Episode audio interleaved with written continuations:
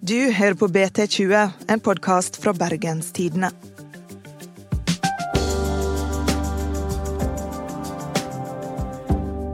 Norge har kjøpt seg splitter nye F-35 kampfly. Men plutselig er de blitt 16 milliarder kroner dyrere enn planlagt.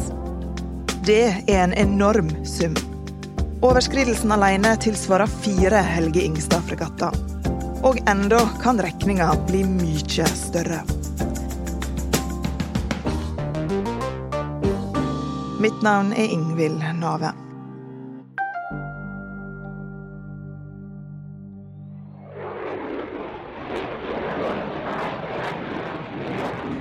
Dette er lyden av den dyreste investeringa gjort på Fastlands-Norge noen gang. Minst 97,6 milliarder kroner må vi betale for en av de heftigste krigsmaskinene i verden. Kampflyet F-35. Det er alvorlige saker vi holder på med, men jaggu var det gutt, eh, gutte, guttedag. Det her det er fantastisk. Altså. Det, det, nei, det, det her er en, det er en virkelig stor dag på alle måter. Forsvarsminister Frank Bakke-Jensen og statsminister Erna Solberg var mildt sagt begeistra da de første flyene landa på Ørland i 2017. Eh, det er den største, viktigste forsikringen vi har eh, mot noen angrep noen ganger, at vi også har et godt forsvar i Norge.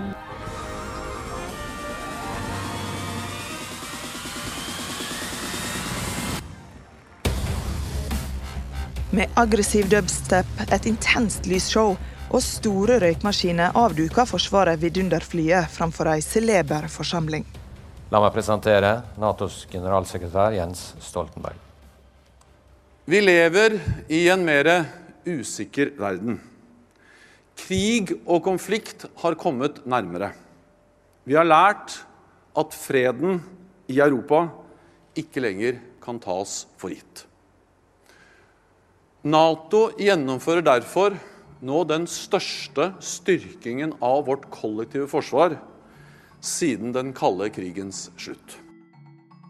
Men det ingen i salen visste, var hvor stor regninga for flya egentlig skulle bli. Faktisk er det fremdeles ingen som helt veit hvor mye de vil koste, eller hvordan de skal betales. Trond Strand er journalist i Bergens Tidende. Det dreier seg om svært mye penger, for det første. Så mye penger at det på en måte er vanskelig å fatte hva regningen egentlig er på. 97,6 milliarder, det tror jeg du kan finansiere alle fagskoler og høyere utdanning i Norge i tre år for. Du kan ja, finansiere fem årsbudsjetter for politi og påtalemyndighet i Norge. Oi. Eller all barnetrygd og kontantstøtte i Norge i sju år. Hva er det vi har kjøpt, egentlig? Ja, Vi kjøper uh, inntil 52 fly. Så får vi i tillegg da disse flyene fullt utrustet med alle mulige slags tenkelige våpen. Uh, og så uh, får vi nye flybaser på Ørland i Trøndelag og en mindre anlegg, eller et anlegg også på Evenes i Nordland. og vi får masse utstyr og, og, og, og, greier i tillegg til det. Det er det vi får for de 97 milliardene. Men de er jo plutselig blitt 16 milliarder kroner dyrere enn det som var planlagt. Hvordan er det mulig å ende opp med en sånn stor kostnadssprekk? Det er ingen sluttsum, for det første, da. Det er, dette er et prosjekt som, går, som starta sånn regnskapsmessig i 2012, og som går fram til 2025. De siste flyene skal leveres i 2024. Så det er jo en prognose for hva det kommer til å koste. Så det kan bli enda dyrere òg? Det, det, kommer mer. F.eks. et luftvern som, jeg, som, vi, som vi skal investere i. Objektsikkerhet, det må bygges voller, gjerder, adgangskontroll, overvåkingssystem osv. osv. osv. Så eh, det, er, det, er, ikke noe Det er ingen sluttsum vi har sett nå.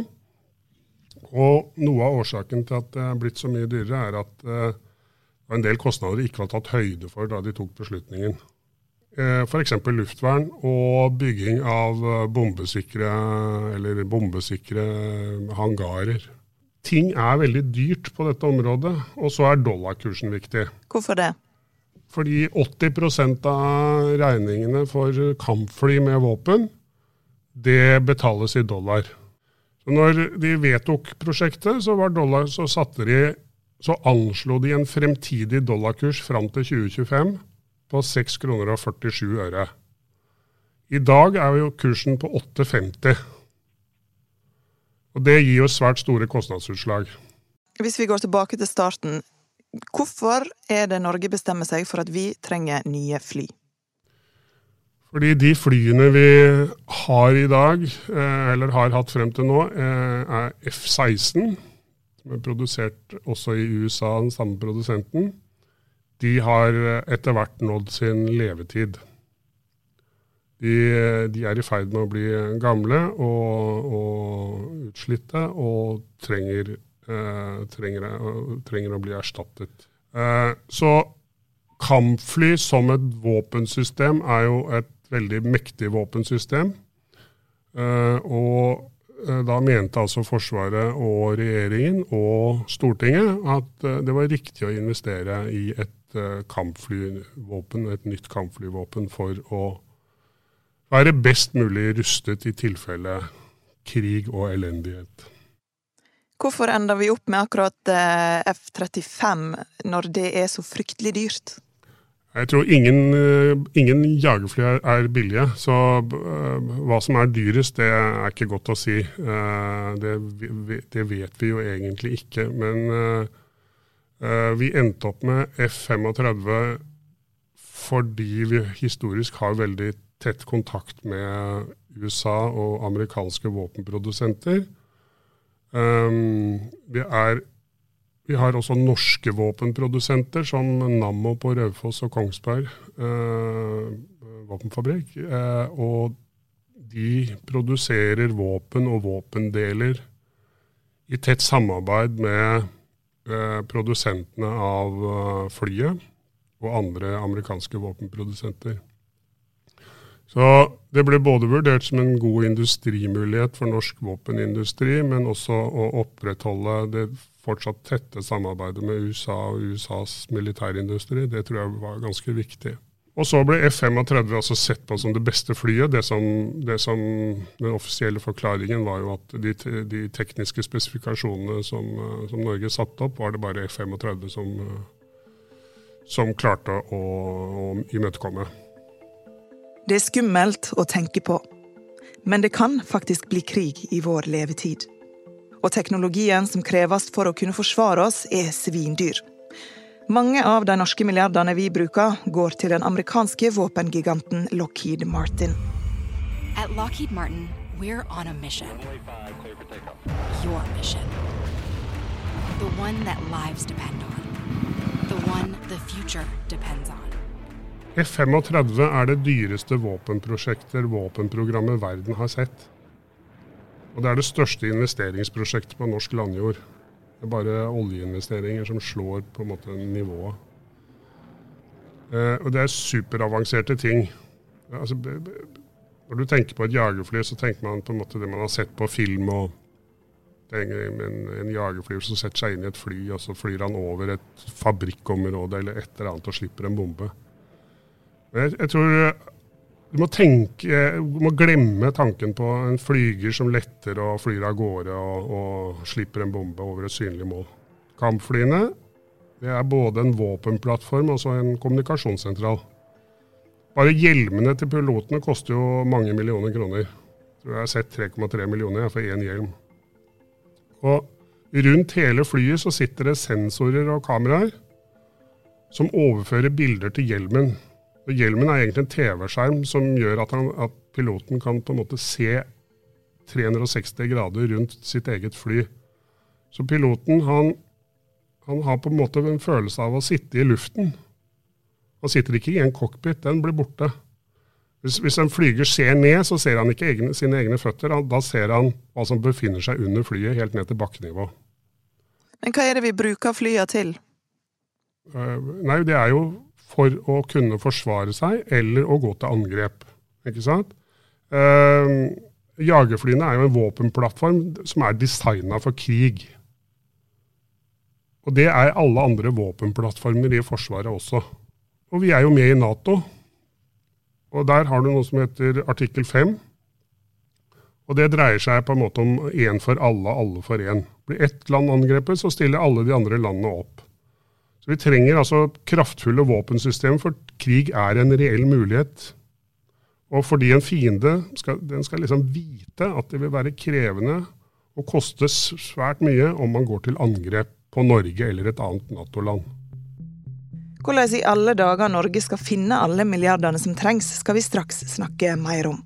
Men først skal vi ha en kort melding fra en av de andre podkastene på huset.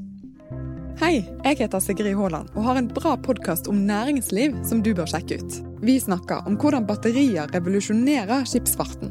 Hva det egentlig betyr når vi sier at oljebransjen blir digital. Og hvordan kvinner former teknologiutviklingen, for å nevne noe. Og podkasten kommer fra Sysla og heter Det vi lever av. Legg den til i podkastlisten din, så høres vi snart. Hvordan har du kommet fram til at overskridelsen er 16 milliarder kroner? For jeg har forstått at Forsvarsdepartementet er ikke helt enig i det tallet. Det vi har gjort, er å sette sammen et samlet kostnadsbilde for hele kampflyprogrammet. Når Forsvarsdepartementet regner på eh, hva dette koster, så, så, isolerer de kampfly og våpen, og så sier de at anleggene på Ørland og, og, alle de andre systemene som bygges nasjonalt, det, det er forskjellige prosjekter og ulike prosjekter og kan ikke sammenlignes osv. Det vi ønsket å gjøre, var å sette sammen det samlede kostnadsbildet. Se hva koster kampfly med våpen, baser, alt annet totalt sett det er et regnestykke som Forsvarsdepartementet ikke har satt opp, og som Stortinget ikke har oversikt over. Det syns vi var interessant også å finne ut av. Og det, eh, og det betyr jo at, at, vi inkluderer en del ting som, eh, som, Forsvarsdepartementet mener ikke skal inkluderes i direkte utgifter for kampflyprogrammet. Um, vi inkluderer f.eks. bygging av disse hangarene, som ennå ikke er fremlagt og, og, vedtatt av Stortinget, men som må bygges. Eh, vi vet at den utgiften kommer, eh, så derfor så inkluderer vi det. Men hvorfor vil ikke Forsvarsdepartementet inkludere det når det er en kostnad som tilhører flyene? De mener at luftvern og, og sikring av basen og sånt, noe av dette kommer fordi det er en flyplass og fordi det er en militær flyplass. Og hvis Ørland skulle ha blitt beholdt som flyplass uavhengig av flykjøp, så ville også disse kostnadene kommet. Eh, men vi mener altså at det er riktig å inkludere mange av disse kostnadene eh, for å få et totalt kostnadsbilde for, eh, for kampflyprogrammet. Og det gjør vi særlig av én grunn. Og det er at dette er svært mye penger, og Forsvaret selv og andre våpengrener må bære de mange milliardene kronene som dette koster. Må Forsvaret sjøl dekke alle disse 16 milliardene? Ja, nesten alle. Nesten alt. Eh, og, da, og det, det, vil jo gå utover andre prioriterte områder i Forsvaret. Um, og spørsmålet er da om de har råd til å beholde alle de Beholde alle de Eh, delene av Forsvaret som man ønsker å beholde. Har man råd til både ubåter, fregatter, kampfly, maritime overvåkingsfly, mer moderne utstyr til Hæren osv. osv. Et alternativ er at Stortinget bevilger friske penger, gir tilleggsbevilgninger. Men det er også problematisk, for det vil da gå utover andre prioriterte områder i samfunnet. Det er ikke bare å plukke 10 milliarder ekstra til Forsvaret. De pengene må hentes et, et sted fra, og det kan jo gå fra helsevesenet eller trygdebudsjettet eller øke skattene, eller eh, finansieres på annen måte da. Det er en prioritering du står foran. Og Derfor mener også BT at dette er viktig å, å debattere og se på. Fordi eh, dette er ikke bare snakk om en forsvarsinvestering, det er også snakk om en prioritering i samfunnet. Når kostnadene øker og behovene for tilleggsbevilgninger øker, så blir det også, også en prioriteringsdebatt i forhold til resten av samfunnet. det er ikke en sprekk som gjør at Stortinget må bevilge mer penger. Men Stortinget må ta en beslutning på hvordan de 11 milliardene i slingringsmonn hvordan det skal dekkes inn. Så de må finne penger en annen plass i budsjettet, rett og slett? De må finne penger, eller be Det er forutsatt at Forsvaret selv skal betale det. Da vil konsekvensene bli så alvorlige for Forsvaret at, uh, at uh, det er tvilsomt om de kan gjennomføre. Det er det som kommer til å bli noe av debatten. Hvor, hvem, skal ta den, uh, hvem, skal ta den, hvem skal ta de økte kostnadene? Så plan... Så igjen god planlegging. En har et slingringsmonn som en eh, da mener at Forsvaret skal dekke inn sjøl, men en vet at Forsvaret kan egentlig ikke dekke det inn sjøl. Dermed må en finne penger andre plasser. Det kan bli resultatet. Eller så må Forsvaret prioritere hardt, da. Men da, du, du, får på en måte et litt vanskelig valg. Du får et valg mellom uh, skal vi ta det fra sykehusene, eller skal vi be Forsvaret selv ta det. Når det var forutsatt hele tiden at Forsvaret selv skulle ta det. Hva slags konsekvenser kan denne sprekken få? Konsekvensene av at kampflyprosjektet samlet sett eh, koster mye mer enn det man forutsatte opprinnelig, det eh, er at eh, enten at eh, Forsvaret må gjennomføre utrolig tøffe prioriteringer, altså at de må si at sorry, vi har altså ikke råd til ubåter. Vi dropper ubåtvåpenet i Norge, f.eks. Eller regjeringen må komme opp med friske penger og tilføre Forsvaret mer penger. Og dermed ta fra andre viktige satsingsområder i samfunnet. Føler stortingspolitikerne at de har fått god nok informasjon fra regjeringa om den økonomiske situasjonen i fly, kampflyprosjektet til Norge?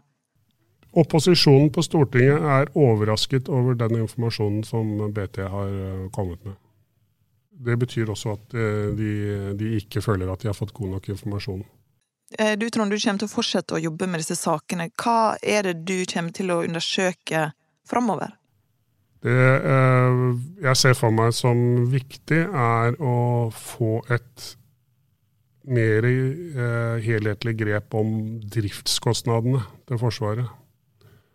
Ehm, hva det vil koste å fly flyene, hva det vil koste å seile fregattene, hva det vil koste å drive ubåtene, hva det vil koste med cyberforsvar osv. osv. Fordi eh, nå er investeringene i Forsvaret så høye, eh, og det er ikke tatt høyde for at driftskostnadene øker dramatisk. Både fordi drift, det er mye dyrere å drifte nye, moderne våpensystemer, eh, men også fordi eh, eh, samlede penge eh, altså Kaka den blir jo ikke nødvendigvis noe særlig større. Hvis noen har tips eller innspill til deg, Trond, hvordan kan de få tak i deg da? Kan de enten sende meg en eh, e-post. Eh, de kan Uh, ringer meg på telefonen 913-28863. Uh, og så kan de bruke en app som heter Signal, hvis det er informasjon som de uh, ikke vil at andre skal høre. For den er kryptert, sant? Den er kryptert, ja. Tusen takk skal du ha for at du kunne komme og oppklare dette nokså eh, kompliserte kampflybudsjettet til Norge, Trond. Det var ukas episode av BT20. Vi er tilbake neste torsdag. Husk å abonnere og laste ned BTs nye lydapp Lytt. Produsent er Henrik Svanevik. Og mitt navn er Ingvild Nave.